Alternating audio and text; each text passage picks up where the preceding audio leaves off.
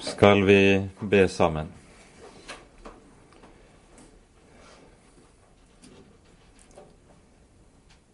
Kjære gode Herre, vi kommer frem for dine øyne og takker og lover deg, Herre, fordi du er god, og fordi din miskunnhet varer til evig tid. Takk, Hellige Gud, at du har sendt din Sønn for at Han skal være vår frelser, og at vi i ham skal få være barn hos deg. Takk, Herre, at du i Jesu navn har utslettet alle våre synder og alle våre misgjerninger, slik at det ikke lenger står noe mellom oss og deg. Nå ber vi, Herre, ta deg av hver og en av oss, at vi alltid må få leve for dine øyne. Frels oss fra det som vil ta oss bort fra deg. Og så ber vi, Herre, la dine ord få rom i våre hjerter på en slik måte at det blir vårt liv. Det blir vår trøst, det blir vår styrke, dag for dag, på veien hjem til deg. Send, Herre, din Hellige Ånd, og vær hos oss i kveld, og åpenbar dine egne ord for ditt eget navns skyld. Amen.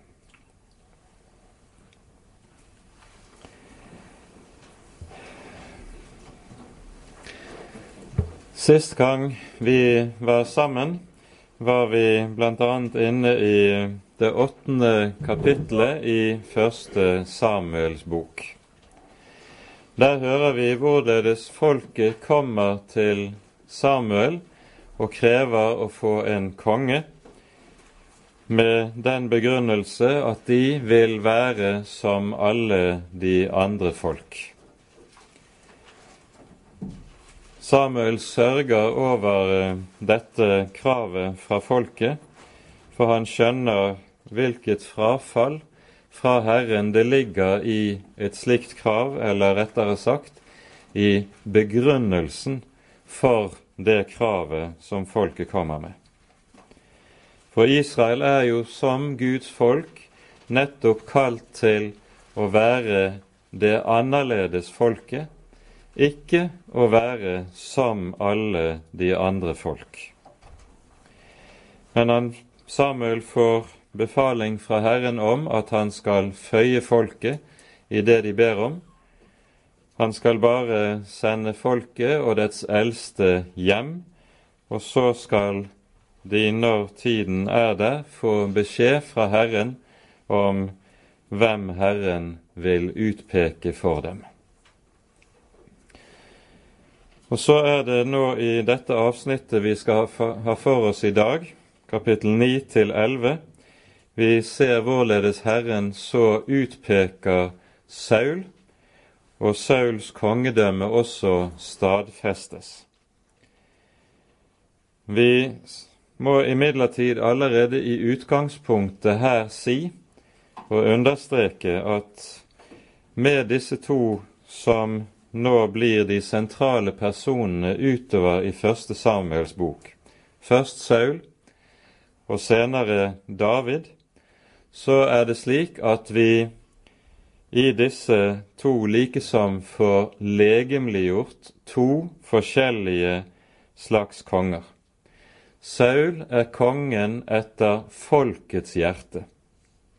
David er kongen etter Guds hjerte. Saul svarer til alt det Israel ut fra sin kjødelige tankegang ønsker seg. David svarer til det Herren hadde tenkt med kongedømmet i Israel. Dette må stå der ganske klart for oss allerede i utgangspunktet. Likevel, Saul er fra begynnelsen av en mann som står hos Herren, er utpekt av Herren og utrustet med Herrens ånd for sin gjerning. Så han får en start på sin kongsgjerning som så å si gir ham alle forutsetninger for å kunne være en rett konge i Israel. Men vi skal ikke foregripe dette som kommer senere ut i Første Samuels bok. Vi skal nå gå inn i og høre litt av hvordan det går til at Saul blir konge. Det 15. og 16. verset i kapittel 9, der hører vi Herren komme til Samuel og varsle ham om det som ligger foran. Vers 15 så står det:" Dagen før Saul kom, hadde Herren varslet Samuel og sagt:" På denne tiden i morgen vil jeg sende en mann fra Benjamins land til deg. Ham skal du salve til fyrste over mitt folk Israel. Han skal frelse mitt folk av filistrenes hånd. For jeg har sett til mitt folk, fordi deres rop er steget opp til meg. Samuel er ved dette høvet i byen Rama, som var en av disse byene som vi hørte om i kapittel 7, som hørte til Samuels faste reiserute når han reiste omkring årlig for å preke og forkynne i Israel og for å dømme Guds folk. Og Når han da er i Rama, så samles folket til høytid. De skal ofres til Herren, og når Samuel nå har samlet folket til denne høytiden, så slumper det til at Saul kommer. Det som er bakgrunnen for dette, vi har ikke tid til å lese hele kapittel 9. Det er at vi hører i begynnelsen av kapittel 9 det er noen eselhopper som er kommet bort fra farens gård. Og så sendes Saul sammen med en tjenestegutt ut for å lete etter disse eselhoppene. Og de leter både vidt og bredt og finner dem ikke. Og den tredje dagen når de er på leting, da er de kommet i nærheten av der Samuel oppholder seg. Og så er det at tjenestegutten sier til Saul, kanskje vi kan gå til Samuel, og han vet hjelp. Vi leser fra uh, vers 5. Da de kom til Soff-bygden, sa Saul til tjenestegutten som var med ham, Kom, la oss gå hjem igjen, ellers kunne far bli urolig for oss, i stedet for å tenke på eselhoppene. Men tjenestegutten svarte ham, I denne byen er det en Guds mann, som det går stort ord om. Alt det han sier, slår til. La oss gå dit. Kanskje han kan si oss hvilken vei vi skal ta. Da sa Saul til tjenestegutten, men om vi nå går dit, hva skal vi da ha med oss til mannen? Vi har ikke mer brød igjen i sekkene våre, og vi har ingen gave å gi til Guds mann. Hva har vi med oss? Tjenestegutten tok igjen til orde og sa til Saul, Her har jeg en fjerdedel sekel sølv. Den vil jeg gi til Guds mann, og så sier han oss nok hvilken vei vi skal gå. I gammel tid sa folk i Israel når de gikk av sted for å få vite Guds vilje, Kom, la oss gå til seeren. For den som nå kalles profet, kaltes i gammel tid seer. Og så drar de opp til byen Rama. De spør noen unge kvinner som er på vei ut for, av byen for å hente vann ved brønnen, om Samuel er der, og får beskjed om hvor de skal gå. Dette er vel verd å merke seg, for vi hørte først i vers 16 at Herren sier 'I morgen vil jeg sende til deg'. Hvordan opplever Saul denne sendelse? er det slik at det kommer en åpenbaring til han og sier nå må du dra til profeten Samuel, for han har store ting i vente for deg. Nei, noe slikt er det ikke. Det er så enkelt og hverdagslig at det er noen husdyr som er kommet bort. De er på leting. Tilfeldigvis er de i nærheten av der Samuel går, holder til. Og så faller det tjenestegutten inn at vi kan jo gå opp dit.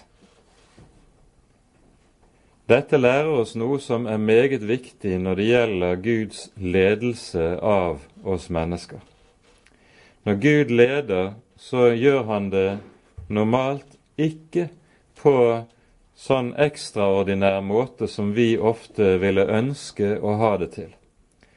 Der er skrevet ganske tallrike bøker om den slags, om hvordan man kan oppleve Guds ledelse. Man skal lære seg til å høre på Åndens røst i sitt eget hjerte og bli lydhør og få ulike teknikker for å få slike ekstraordinære opplevelser. Dette er ikke Guds normale måte å lede sine på. Han leder oss ganske enkelt gjennom hverdagens naturlige begivenheter og så ser ikke vi engang Guds hånd i dette, og blir ikke var Herrens hånd, men det er Han som leder.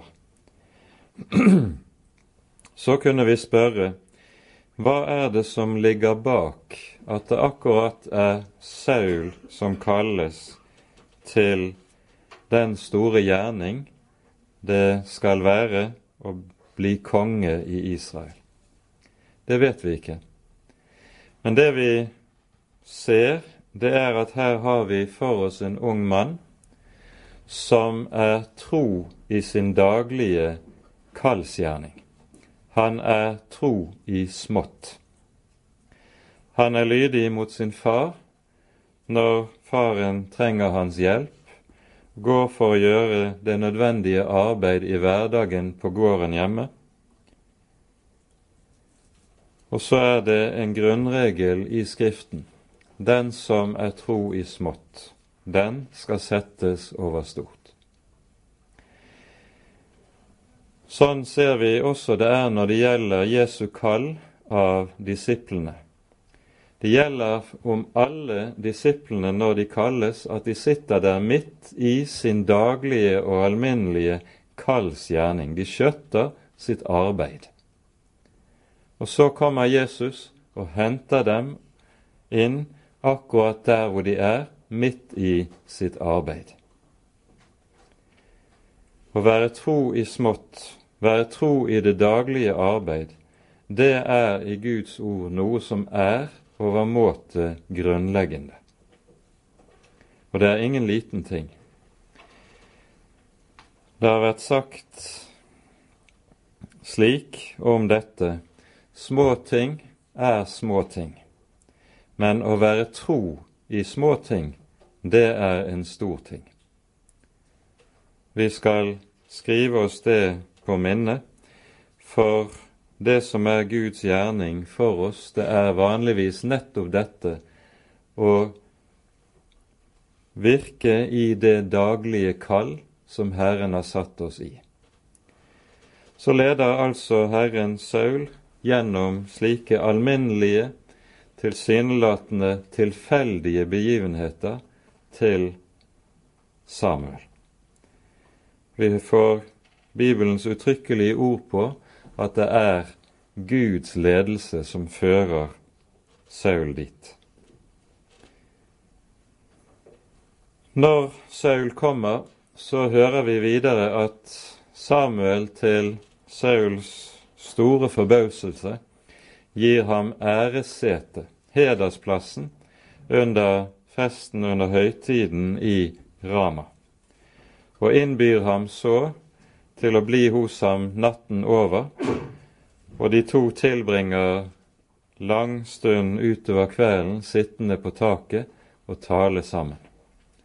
Det er tydelig at Samuel ønsker både å bli kjent med Saul og å formidle til Saul noe som kan forberede ham på det som ligger foran.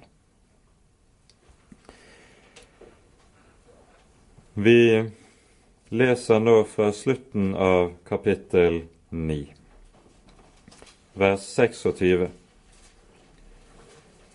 Tidlig om morgenen, med det samme det tok til å lysne av dag, kalte Samuel til seg Saul oppe på taket og sa, Stå opp, så vil jeg følge deg på veien. Saul sto opp, og de gikk ut sammen, han og Samuel. Da de nå kom ned til utkanten av byen, sa Samuel til Saul, Si til tjenestegutten at han skal gå foran oss. Og han gikk. Men stå du, du nå her, så vil jeg la deg høre hva Gud har sagt. Og Samuel tok en oljekrukke, helte den ut over hodet hans. Han kysset ham og sa, Nå har Herren salvet deg til fyrste over sin av. Og så går det altså til at Saul her i all stillhet salves til konge. Han er utpekt til den konge som folket ba om å få. Det vi skal merke oss her når Saul salves, så betyr det at kongedømmet stilles på samme grunn som prestedømmet i Israel. Tidligere i Bibelen har vi nemlig utelukkende hørt om hvorledes Aron og Arons sønner ble salvet til tjenesten for Herren. Salving har ikke vært anvendt i noen annen sammenheng tidligere i Guds folk enn i forhold til helligdommen. Og Salvingen angir et par veldig sentrale ting. For det første, her er det en som er utpekt av Herren til sin gjerning. For det andre så symboliserer salvingen den utrustning som Gud vil gi til den gjerning som han kaller vedkommende til. Det er en gjerning som er av Gud, som er for Gud, og som skal skje i Gud. Dette er poenget med dette.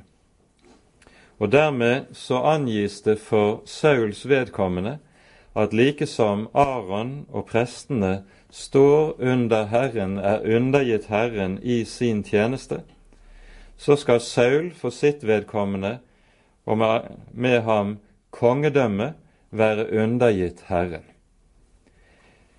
Det har jo alltid vært slik når det gjelder konger i verden, at kongene har hatt en veldig trang til egenmektighet. Slik egenmektighet skal ikke gjelde for Israels konger. De skal være seg bevisst at de er rette konger bare i den grad Herren får være konger for dem. Når Saul salves, så angis det med dette også altså at det er Herren som skal være Sauls konge. Og dette er helt avgjørende på veien videre. Sauls ulykke er jo nettopp at han senere opptrer egenmektig og at han av den grunn også blir til sist blir fratatt kongeverdigheten. Men salvingen skal altså angi dette, at like som Aron er Herrens tjener og må tjene Herren på hans premisser, så skal det også gjelde det samme om kongedømmet. Dette har nok kommet som noe av en overraskelse og som, om vi får bruke et sånt uttrykk, et sjokk på Saul. Og det er helt nødvendig for hans personlige del at dette skjer i all stillhet, uten vitner til stede. Det må få synke inn, det må få gjøre sin gjerning hos ham og i ham før så langt kommer. Når vi hører i vers 1 at Samuel også kysser Saul, så er det noe av den grunnleggende hyllest som hørte kongene til i den gamle tid. Vi hører det sies også i Salme 2, som jo er en salme om den kommende Messias. Der sies det i det siste verset 'kyss Sønnen'. Det er nettopp å hylle ham som konge som ligger i dette uttrykket, sånn som det anvendes i Det gamle testamentet. I og med at Samuel nå salver Saul, så gir han ham også eh, noe, et budskap med på veien. Han får tre tegn med seg som skal skje når han nå forlater Samuel, og vi leser videre fra vers 2. Når du nå går fra meg i dag, skal du møte to menn ved Rakels grav på grensen av Benjamin i Selsa. De skal si til deg, eselhoppene som du gikk ut for å lete etter, er funnet. Og se, din far tenker ikke mer på dem, men nå er han urolig for dere og sier, Hva skal jeg gjøre for min sønn? Når du så går videre derfra og kommer til Tabors ek, skal du der møte tre menn som er på vei opp til Gud i Betel. En av dem bærer tre kje, en bærer tre brød, og en bærer en skinnsekk med vin. De skal hilse på deg og gi deg to brød. Dem skal du ta imot. Deretter kommer du til Guds Gibea hvor filistrene har vaktpostene sine. Når du kommer dit til byen, skal du treffe på en flokk profeter som kommer ned fra haugen med harpe og tamburin og fløyte og sitter foran seg, og de profeterer. Og Herrens ånd skal komme over deg, så du skal profetere sammen med dem og bli til et annet menneske. Når du ser at disse tegn inntreffer, da skal du gjøre det som ligger deg for hånden, for Gud er med deg. Gå foran meg ned til Gilgal, så skal jeg komme ned til deg for å ofre brennoffer og fredsoffer. Du skal vente i sju dager inntil jeg kommer til deg. Da skal jeg la deg få vite hva du skal gjøre. Da nå Saul vendte seg og gikk fra Samuel, da ga Gud ham et annet hjerte. Og samme dag gikk alle disse tegnene i oppfyllelse. Da de kom til Gibea, kom en flokk profeter mot ham. Da kom Guds ånd over ham, og han profeterte midt iblant dem. Da alle de som kjente ham fra før, så at han profeterte sammen med profetene, da sa folket til hverandre, Hva er det som har hendt med Kish, Kish sønn? Er også Saul blant profetene? Og en mann der fra stedet svarte og sa, Hvem er da far til disse? Derfor er det blitt et, til et ordspråk. Er også Saul blant profetene? Da han hadde holdt opp med å profetere, kom han til offerhaugen Sauls onkel sa til ham og tjenestegutten hans, Hvor har dere vært? Han svarte, Vi har vært ute og lett etter eselhoppene, og da vi ikke så noe til dem, gikk vi til Samuel. Da sa Sauls onkel, Kjære, fortell meg hva Samuel sa til dere. Saul svarte sin onkel, Han fortalte oss at eselhoppene var funnet. Men det som Samuel hadde sagt om kongedømmet, det fortalte han ikke.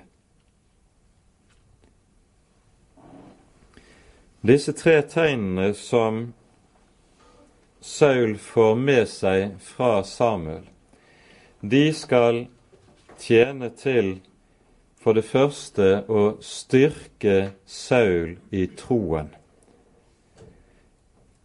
Troen på både at det er Herren som har sendt Samuel, og at det er Herrens ord, og på Herrens oppdrag, at Samuel har salvet Saul til kongsgjerningen.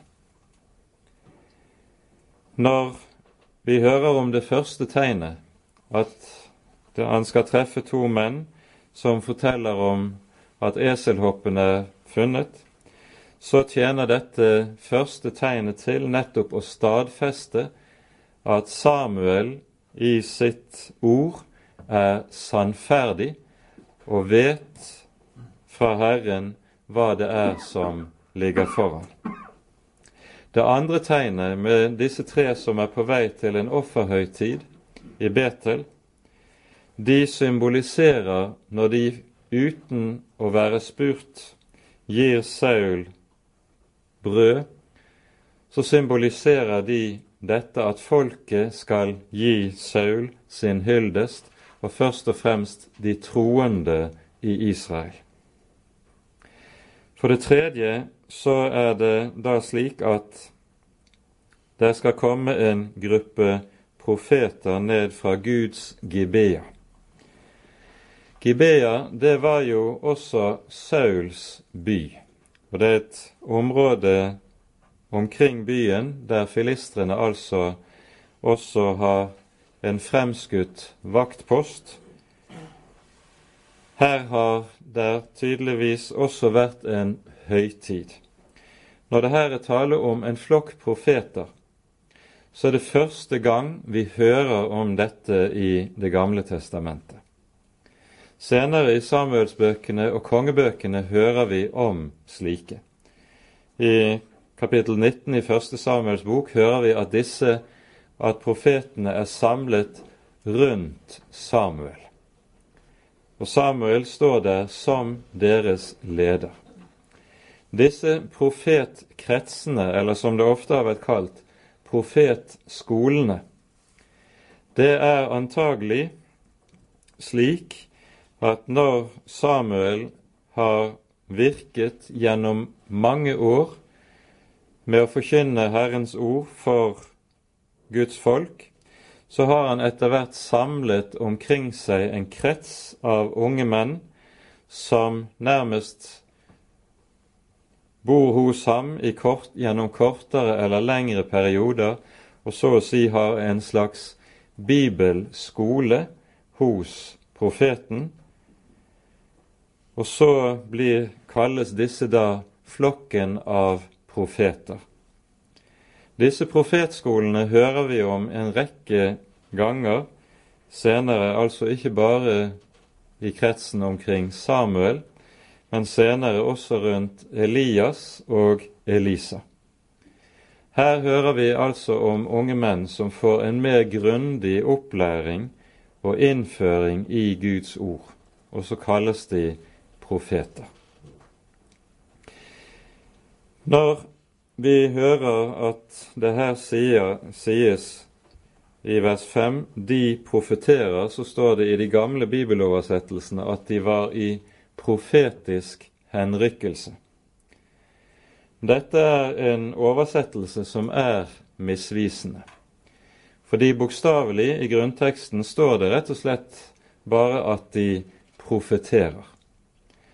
Men en hundreårs tid har det vært en tenkning som har behersket eh, gammeltestamentlig teologi, som har vært av den oppfatning at den tidlige profeti som vi her hører om, det er en slags ekstatisk tale, som eh, da ytrer seg på den måten som vi her hører om. Og så det, bruker man da denne oversettelsen. Man sier at de er i profetisk henrykkelse. Det er intet grunnlag for dette i bibeltekstene selv, men det bygger på en eh, religionshistorisk oppfatning at de tidligste ytringer av troen, de er også de mest primitive, og da er det altså i tilfelle tale om det ekstatiske.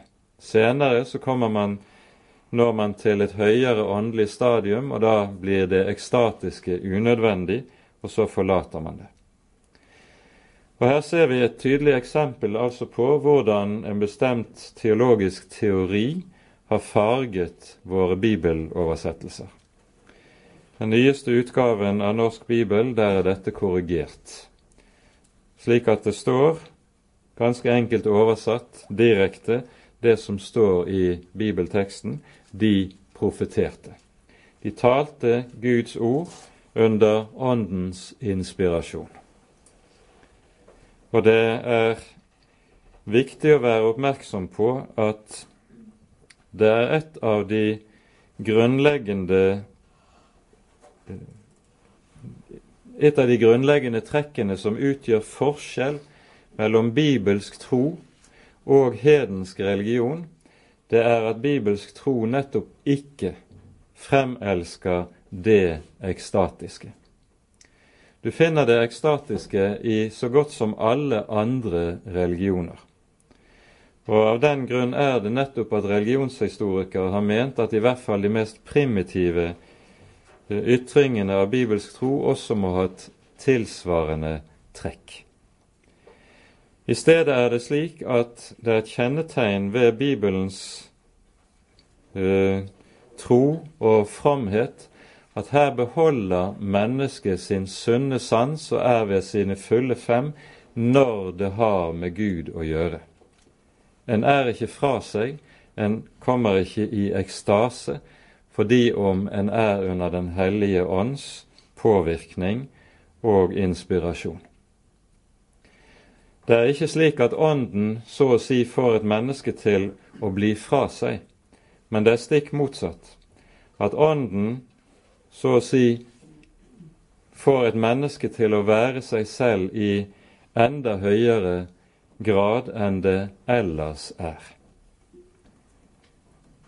Og det er det som dette er ganske grunnleggende i, i bibelsk tro. Vi ser et typisk uttrykk for denne forskjellen når vi hører om Elias og Bals profeter på Karmel.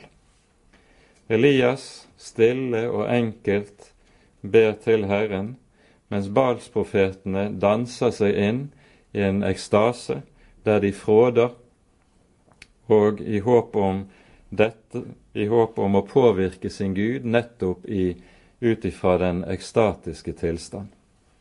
Dette er fjernt fra Bibelens tro og Bibelens gudsdyrkelse. Dette er kanskje en lang parentes, men det er viktig å være oppmerksom på. For i våre dager så vil vi se at det er kommet inn en tendens i en del eh, nyere retninger innenfor kristenheten, hvor en på ny ønsker så å si å dyrke det ekstatiske. Det gjør man ved hjelp av to virkemidler som regel, enten ved hjelp av en bevisst bruk av bestemte typer musikk, som nettopp kan sette mennesker, eller virke suggestivt på mennesker, sammen med en bestemt tenkning om Den hellige ånd og Den hellige ånds gave, som gjør at mennesker kan bli helt fra seg. Et typisk uttrykk for dette har vi i den såkalte Toronto-velsignelsen. Dette er noe som ikke er fra Gud, og det er vesens fremmed for Bibels gudstro og gudsdyrkelse. Og dette er viktig å være oppmerksom på.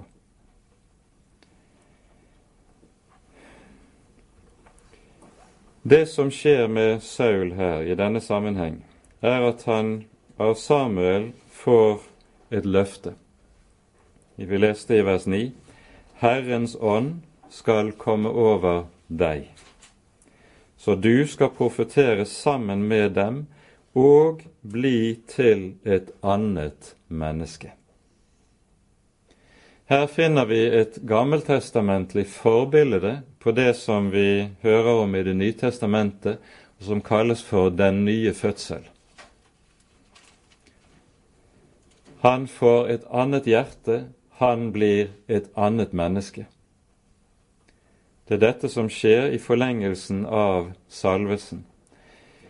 I kapittel 16 når David salves til konge, så hører vi at Herrens ånd også kommer over David i og med salvelsen der. Og så er det dette som er den vesentlige forutsetning for og utrustning for gjerningen som ligger foran. Herrens ånd skal komme over deg, og du skal tale profetiske ord, og du skal bli til et annet menneske.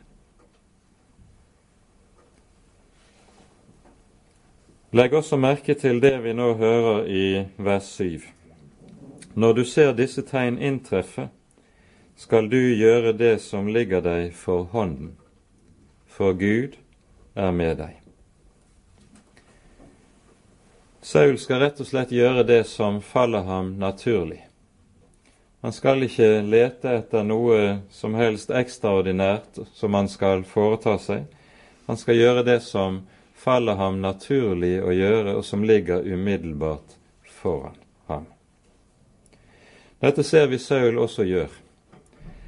For når vi kommer til kapittel 11, så ser vi at han rett og slett ikke har foretatt seg noe spesielt. Han har bare gått tilbake til farens gård, og vi finner han der. Han går og pløyer bak farens okser. Han venter helt enkelt på timen som Herren vil kalle ham til det som måtte være nødvendig. Gjør det som ligger for hånden, for Gud er med deg. Det er så enkelt, det er så naturlig alt sammen. Og så er det nettopp på den måten guddommelig. Vi skal merke oss dette. Når de kommer hjem, får de jo nysgjerrige spørsmål fra familien. Saul bare tier still med det som har skjedd. Det er ikke opp til ham å fortelle videre. Det er opp til Herren selv å føre ham frem for folket og det er det vi nå leser om i slutten av det tiende kapittel. Vi leser fra vers 17. Så kalte Samuel folket sammen til Herren i Mispa, og han sa til Israels barn, Så sier Herren, Israels Gud, jeg førte Israel opp fra Egypt og fridde dere ut fra egypterne og fra alle de rikene som undertrykte dere. Men nå har dere forkastet deres Gud, Han som frelste dere ut av alle deres ulykker og trengsler, og sagt til ham, Nei, en konge skal du sette over oss. Så still dere nå frem for Herrens åsyn etter deres stammer og etter. Så lot Samuel alle Israels stammer gå frem, og loddet falt på Benjamins stamme. Så lot han Benjamins stamme gå frem etter sine etter, og loddet falt på Matris ett. Deretter falt loddet på Saul, Kish sønn, og de lette etter ham, men kunne ikke finne ham. Da spurte de igjen Herren, Er man kommet hit? Herren svarte, Se, han holder seg skjult ved forsyningene. Da sprang de dit og hentet ham, og han gikk frem midt iblant folket. Han var ett hode høyere enn alt folket. Og Samuel sa til hele folket, Ser dere ham Herren har utvalgt? Det er ingen som ham i hele folket. Da jublet hele folket og ropte, Kongen leve. Så talte Samuel til folket om kongedømmets rett, og skrev det opp i en bok. Den la han ned for Herrens åsyn. Deretter lot Samuel hele folket fare, hver til sitt hjem. Saul dro også hjem til Gibea. En flokk av stridsmenn fulgte ham. Gud hadde rørt ved deres hjerte. Men noen fordervede mennesker sa:" Hvordan skal denne kunne frelse oss? Og de ringeaktet ham og kom ikke med hyllingsgaver til ham, men han lot som om han ikke merket det. På denne måten er det altså at Saul utpekes offentlig for hele folket. Den salving som var foregått under fire øyne, måtte suppleres med en offentlig akt, en offentlig innsettelse i gjerningen. Og så skjer dette, som vi hører det, gjennom at folket samles for Herrens åsyn og ved loddkasting. En slik loddkasting har vi hørt om en gang tidligere i Bibelen. Det er Josvas bok i det syvende kapittel, der vi hører om en mann som i forbindelse med erobringen av det lovede land hadde stjålet av det bannlyste gods, Akan. Og så var hele Israel dermed kommet under bannet. Akan utpekes også ved loddkasting. Men her er det altså så å si en motsatt loddkasting som skjer, en loddkasting der det utpekes hvem Herren har satt til velsignelse, til vern for sitt folk. For vi hørte det ble sagt allerede i det niende kapittel om kongen som Herren hadde utpekt. Han skal frelse Israel av dets fienders hånd. Det er det som er den velsignelsesfulle gjerning han skal utføre. At Saul gjemmer seg mens dette foregår, det er vel ikke godt for oss å vite hva som ligger bak. Om det er naturlig fryktsomhet, det om det er det at han føler seg liten og uskikket for oppgaven. Det er vel kanskje ikke urimelig å tenke at det er det. Vi hører i kapittel 9 når Samuel inviterer ham til høytiden og gir ham hedersplassen, så sier Samuel til Saul, Hvem tilhører all Israels herlighet om ikke deg? Og Saul forstår ikke hva Samuel sier, og rister på hodet og sier, Hvem er jeg? Hvem er mitt hus? Jeg kommer fra den minste stammen i Israel. Benjamins stamme var jo nesten blitt tilintetgjort i dommertiden. Og han kom fra en familie som ble regnet som en av de minste og mest betydningsløse i Benjamins stamme. Hvem er jeg? Hva er far, min fars hus? Vi er ingenting. Og så er det denne altså som Herren har utpekt. Han hentes frem. Han er ett hode høyere enn alt folket. Og det er noe som virker umiddelbart tiltalende på dem alle også.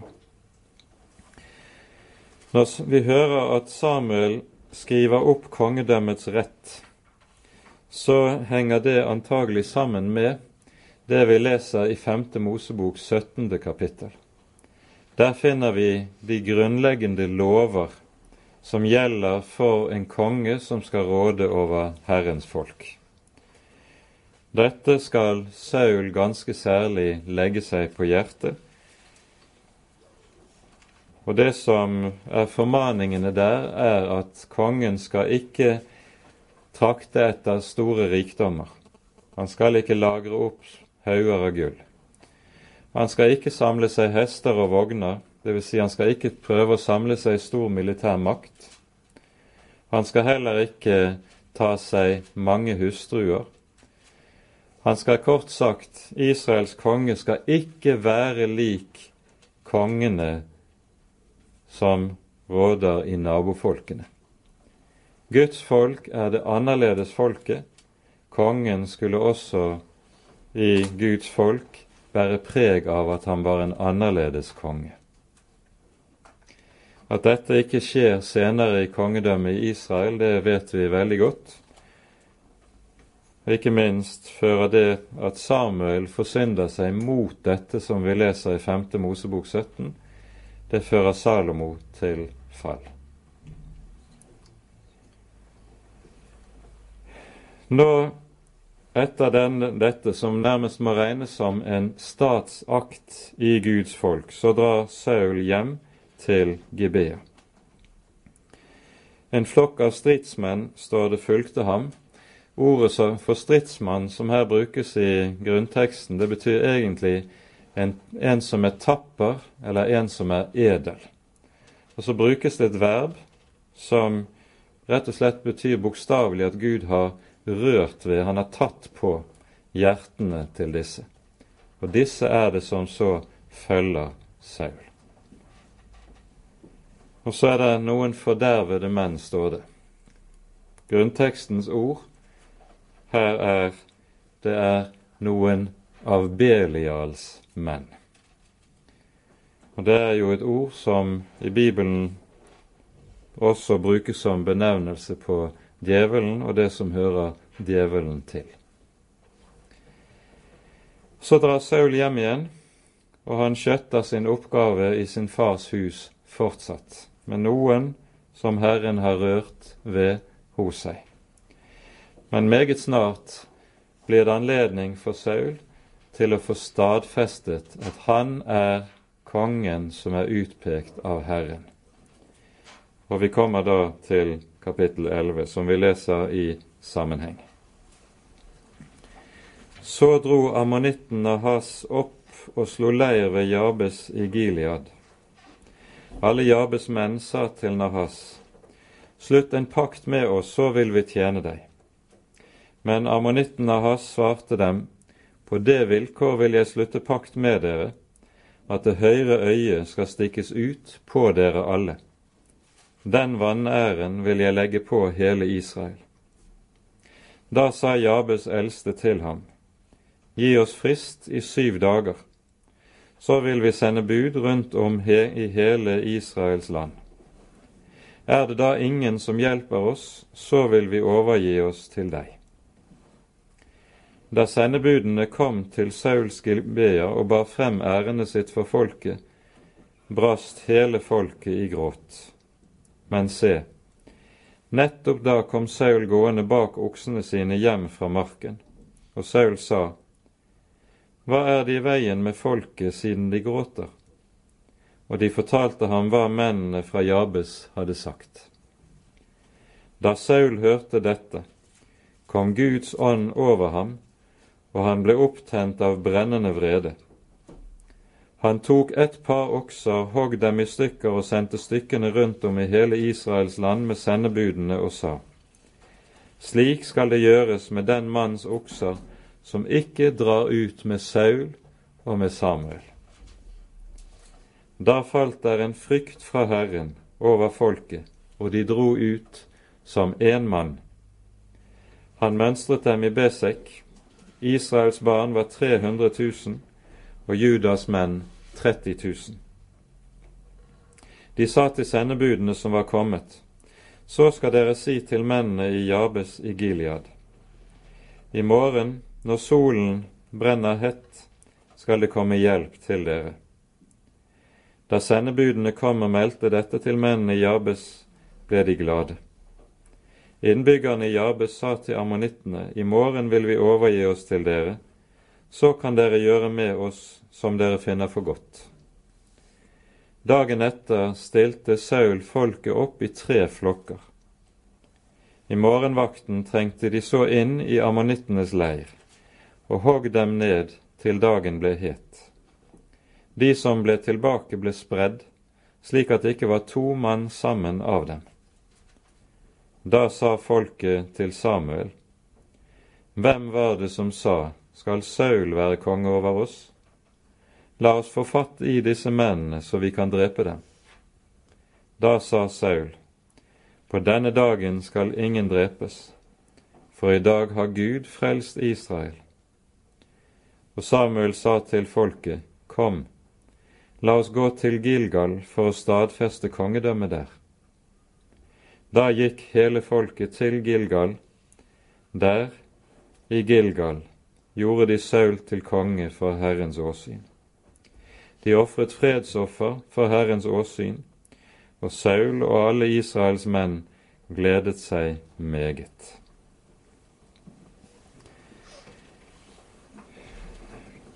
Den nødsituasjonen vi her hører om, er ikke liten. Området som nå er rammet av krig og fiendtligheter, det ligger øst for Jordan. På østsiden av Jordan bor to I denne tiden bor det to folkeslag som nedstammet fra Lot. Det er Moab, moabittene, og ammonittene. Lot hadde jo flyktet fra Sodoma og Gomorra når Herren dømte disse. Og så var det Lot Unnskyld. Med sine døtre avlet han to sønner som ble stamfedre til disse folkeslagene, ammonittene og moabittene. Ammonittene angriper nå Jabes i Gilead. Jabes er hovedstaden i den del av Israel som lå på østsiden av Jordan, og ligger i det området som i dag kalles for Golan.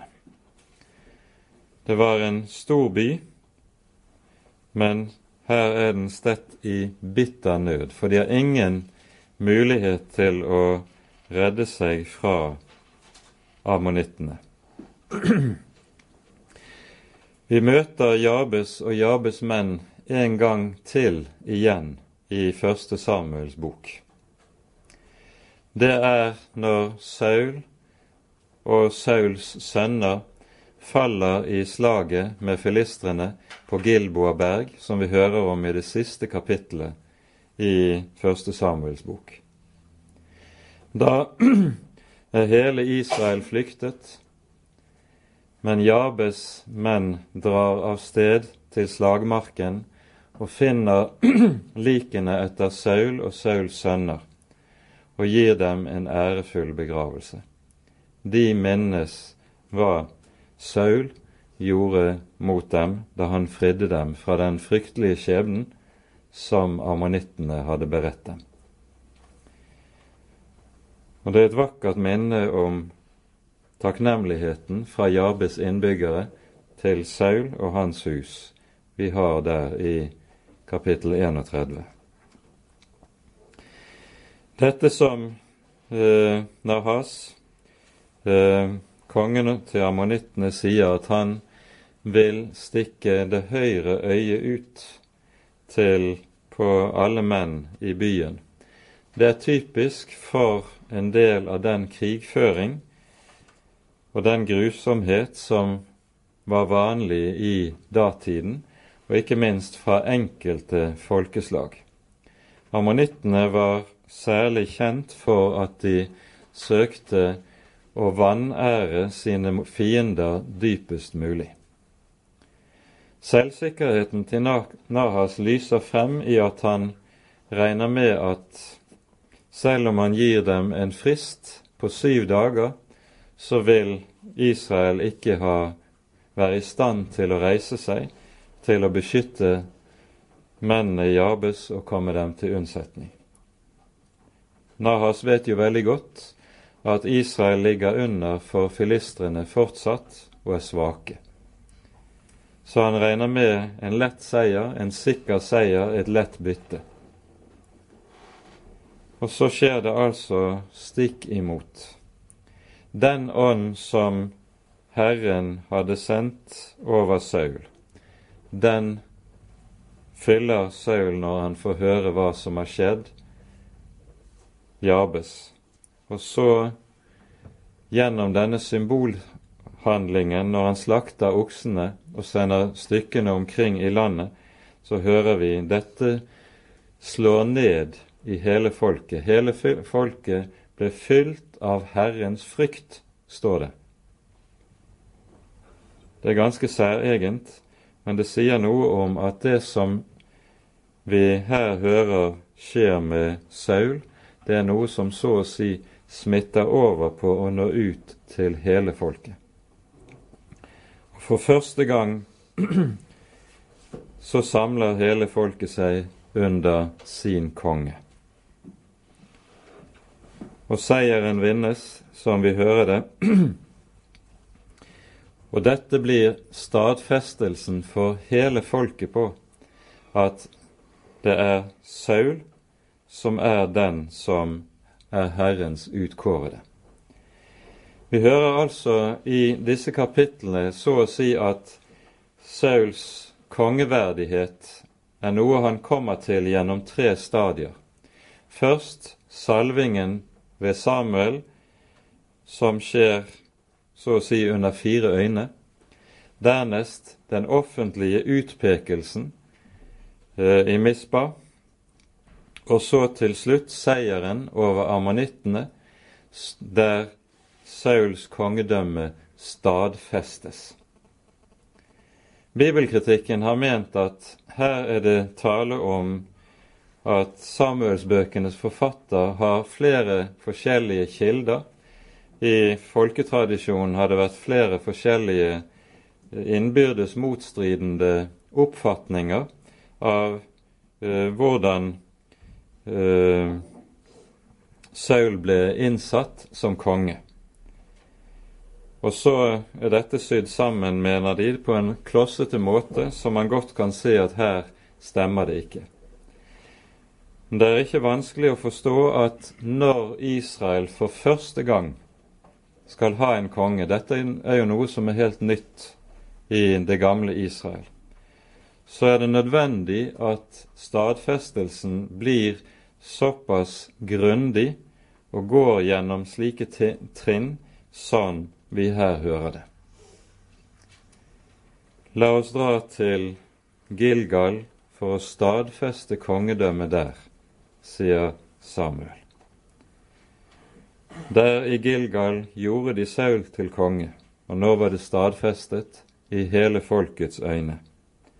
De ofret fredsoffer for Herrens åsyn, og fredsofferet har jo den betydning at det er et takkeoffer.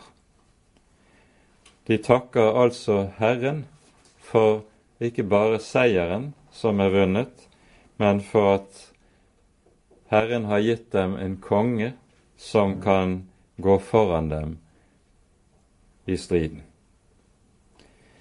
At Saul var ett hode høyere enn alt folket, det ser vi også i det storsinn han viser denne dagen.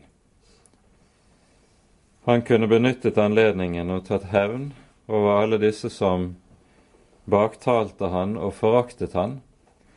I stedet hører vi han sier, denne dagen skal ingen drepes, for i dag har Gud frelst Israel. Vi ser både i det et storsinn som nok gjør inntrykk på folket, og som samtidig også er uttrykk for det hjertelag som en Herrens tjener må ha. En Herrens tjener kan ikke bære på nag i sin tjeneste og i sin gjerning. Det vil være som at han går med en byll i hjertet som bare vil vokse og ete ham opp innenfra. Og slik er altså Sauls kongedømme stadfestet, og en ny tid er begynt i Israel. Den tid som er avsluttet nå, er dommertiden. Og i neste kapittel hører vi om hvorledes Samuel legger ned sitt dommerembete. Det skal vi se nærmere på neste gang. Men det er altså et stort tidsskifte Guds folk opplever i det som skjer med Sauls innsettelse i og stadfestelse i embetet. Med dette tror jeg vi setter punktum for timen i dag. Og så blir neste bibeltime til å se på fortsettelsen, hvor det nokså snart viser seg at Saul også kommer på fall. Ære være Faderen og Sønnen og Den hellige ånd, som var og er og være skal en sann Gud høylovet i evighet. Amen.